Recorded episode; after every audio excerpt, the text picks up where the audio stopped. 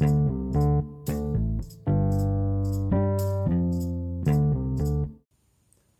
semuanya, selamat datang di segmen Bedah Buku.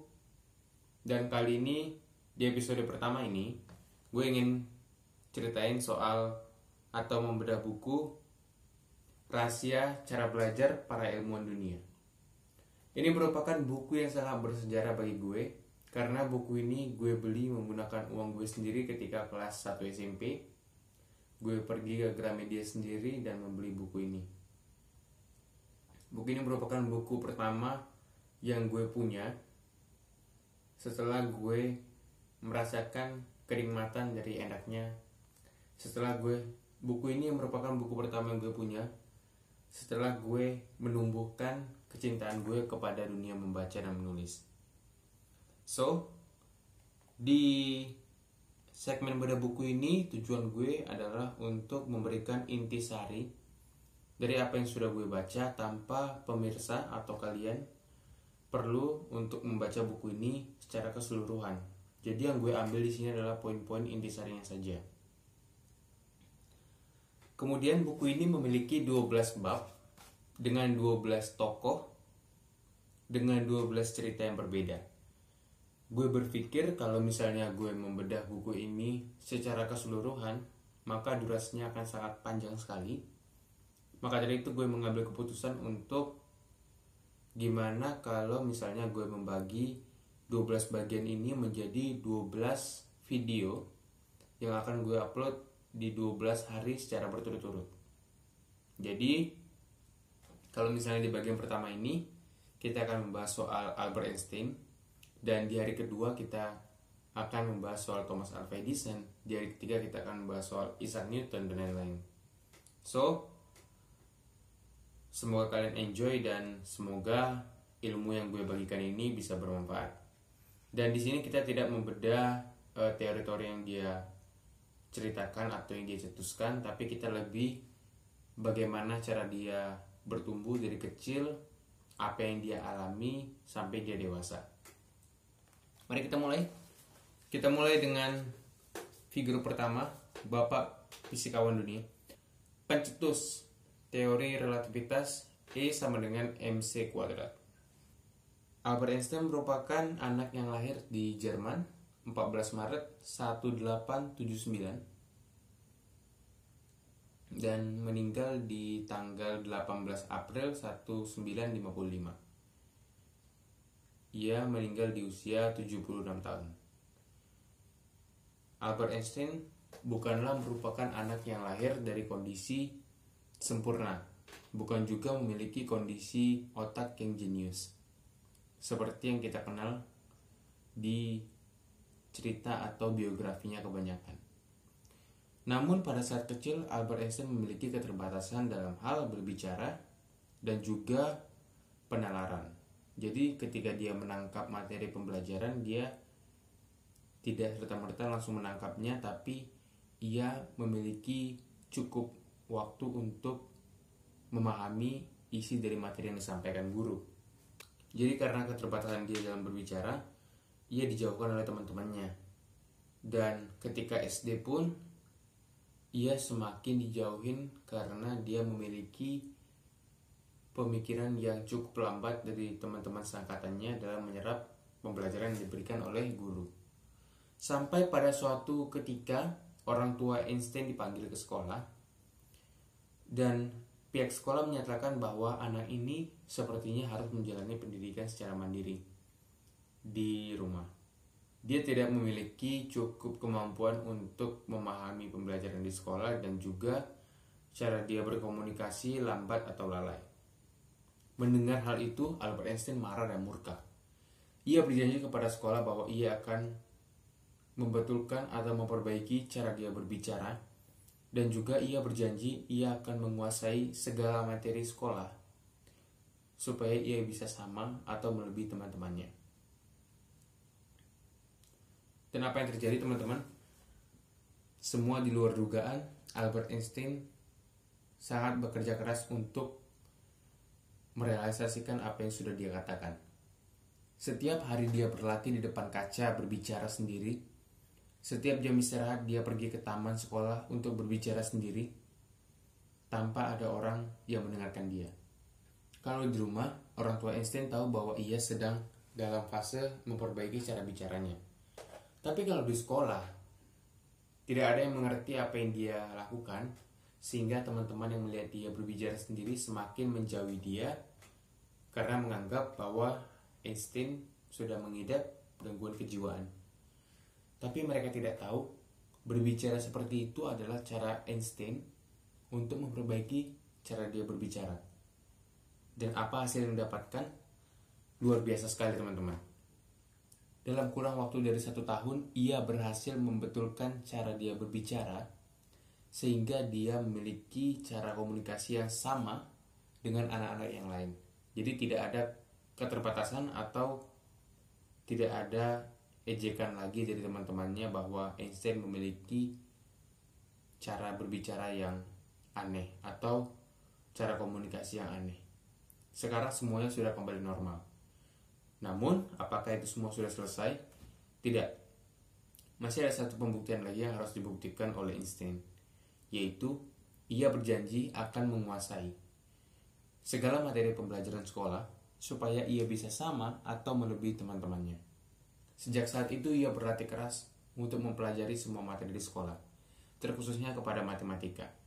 Ia sangat intu kepada matematika sehingga ia sangat mencintai bidang yang berkaitan dengan saintis, apalagi yang berkaitan dengan matematika, fisika terutama. Dan kalian pasti pernah dengar perkataan ini. Kalau misalnya kalian menguasai matematika, maka kalian akan menguasai bidang lain yang ingin kalian geluti dengan mudah. Ya, terlepas dari relevan atau tidak perkataan itu di zaman sekarang, namun algoritma orang zaman dulu ya mungkin masih sama seperti itu. Artinya dengan menguasai bidang eksak atau numerik atau matematika atau saintis, anak-anak itu akan lebih mendapat e, nama baik atau privilege karena mereka diutamakan.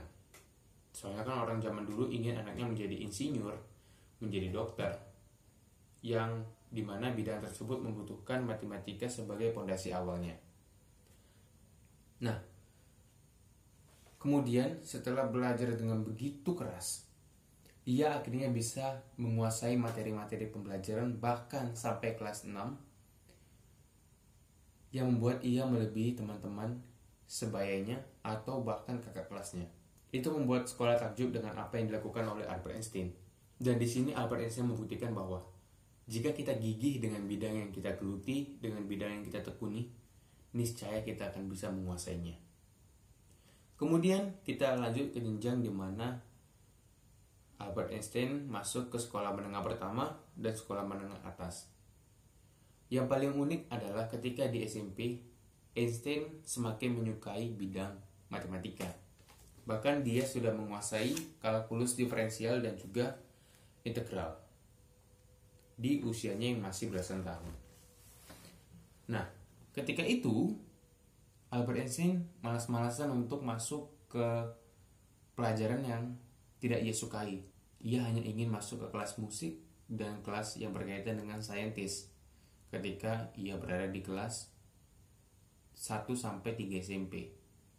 Ia sering bolos, namun bolos konotasi di sini adalah bukan bolos yang artinya untuk bermain-main, namun dia bolos ke perpustakaan untuk belajar dan juga untuk melakukan eksperimen-eksperimen yang dia masih penasaran. Sehingga pihak sekolah pun memanggil Einstein dan menyatakan bahwa anak ini tidak bisa lulus SMP.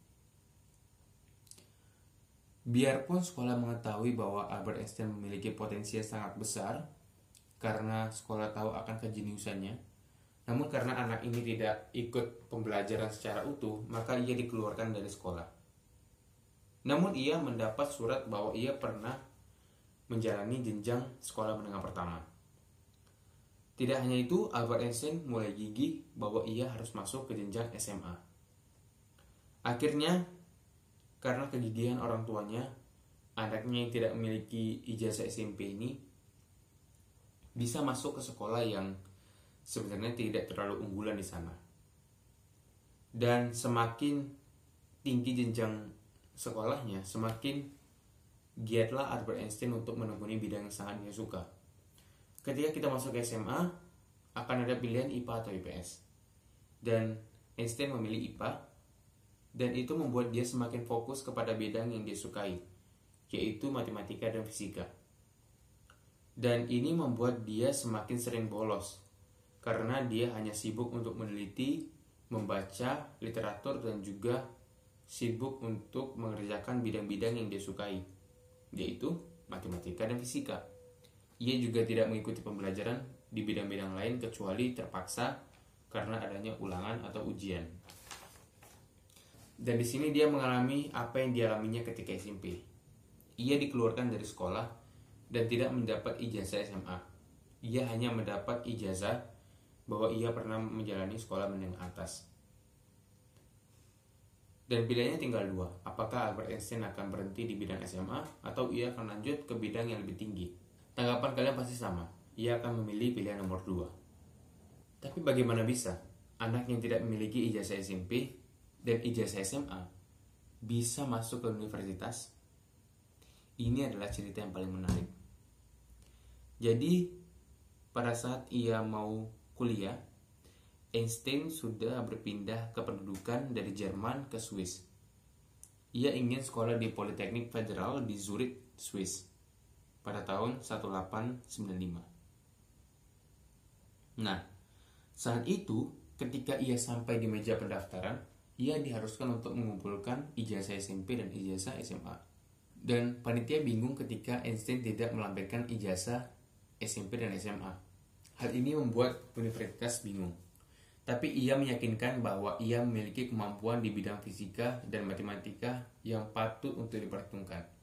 Sehingga membuat universitas tersebut memberikan sebuah ujian tertulis kepadanya dan dengan tidak disangka Einstein mampu menyelesaikan semua itu dengan sangat baik sehingga ia diterima di universitas yang ia ingini tersebut. Dan di sinilah kajiannya teman-teman Albert Einstein bisa masuk ke fakultas fisika dan masuk ke universitas tersebut dengan atau tanpa ijazah SMP dan SMA. Bagaimana bisa? Dan di sini kita diajarkan bahwa kalau kita menggeluti satu bidang yang kita cintai, kita fokus kepada bidang tersebut, maka kita akan menjadi orang yang hebat di bidang tersebut. Meskipun Einstein tidak memiliki ijazah SMP, ijazah SMA, namun ia berhasil meyakinkan Politeknik Federal yang ia ingin masuk bahwa ia memiliki kompetensi untuk menjadi mahasiswa di sana. Dan benar saja, ia berhasil masuk dengan nilai ujian tertulis yang sangat mumpuni atau sangat tinggi. Sehingga ia diterima di Fakultas Fisika. Hal ini membuat ia semakin gila dan semakin sering bereksperimen. Ia sering berpikir bagaimana caranya sebuah kapal tidak tenggelam ketika berlayar. Bagaimana sebuah balon udara dapat terbang? Bagaimana gasing berputar? Bagaimana kapal bisa berlayar? Dan hal itu terus dipertanyakan oleh Einstein. Sehingga ketika ia menjalani masa-masa kuliahnya di sini, ia menjadi anak yang sangat aktif dan sangat menunjukkan kejeniusannya. Dan kita sampai pada pesan di ujung cerita dari Albert Einstein. Ini yang dia tulis. Jangan sampai kita menekuni hal atau bekerja di tempat yang sebenarnya tidak menjadi kalian kita. Sebab hal itu tidak akan memberikan hasil yang maksimal. Einstein hanya berfokus sepenuhnya pada bidang matematika dan fisika. Ia tidak pernah menekuni sastra dan menggambar karena sama sekali tidak mempunyai atau tidak memiliki ketertarikan pada bidang tersebut. Artinya, sebuah keahlian atau popularitas dapat dibangun dari bakat dan minat yang dimiliki oleh seseorang. Jadi kalau kamu masih sekolah, kamu jangan terikat oleh paradigma di mana kamu harus pintar matematika. Kalau enggak, kamu enggak akan bisa jadi ini, jadi itu. Kalau misalnya minat kamu bukan di matematika, tapi kamu hebat di melukis, kamu hebat menulis, kamu hebat menggambar, kamu hebat berpidato, Bahkan kamu hebat stand up comedy. Kamu hebat dalam bidang kimia atau biologi. dan fokuslah kepada bidang yang memang kamu suka. Maka pada akhirnya kamu akan menjadi hebat di sana. Jangan perhitungkan mau jadi apa kamu ke depan. Tapi jadilah hebat di bidang yang kamu sukai, maka peluang itu akan datang dengan sendirinya. So, itulah cara belajar Albert Einstein ketika kecil yang kita kupas di buku Rahasia Belajar Para Ilmuwan Dunia di bagian pertama. Sampai jumpa di bagian kedua yang akan membahas tentang Thomas Alva Edison. Di sini kita akan mengungkap bagaimana orang yang sangat berpengaruh yang menemukan lampu pijar yang bermanfaat menerangi dunia sampai saat ini. Bye bye. Terima kasih yang sudah menonton. Subscribe jika kalian ingin berlangganan, like jika kalian suka, dislike jika kalian tidak suka. Berikan komen jika kalian memiliki nasihat-nasihat untuk memperbaiki video gue ke depannya. Terima kasih semoga apa yang telah gue sampaikan bermanfaat bagi kalian. Jika ada salah kata, salah pengucapan, atau salah dalam memberikan alur cerita, gue mohon maaf. Sampai ketemu di video selanjutnya mengenai Thomas Alva Edison. Bye-bye.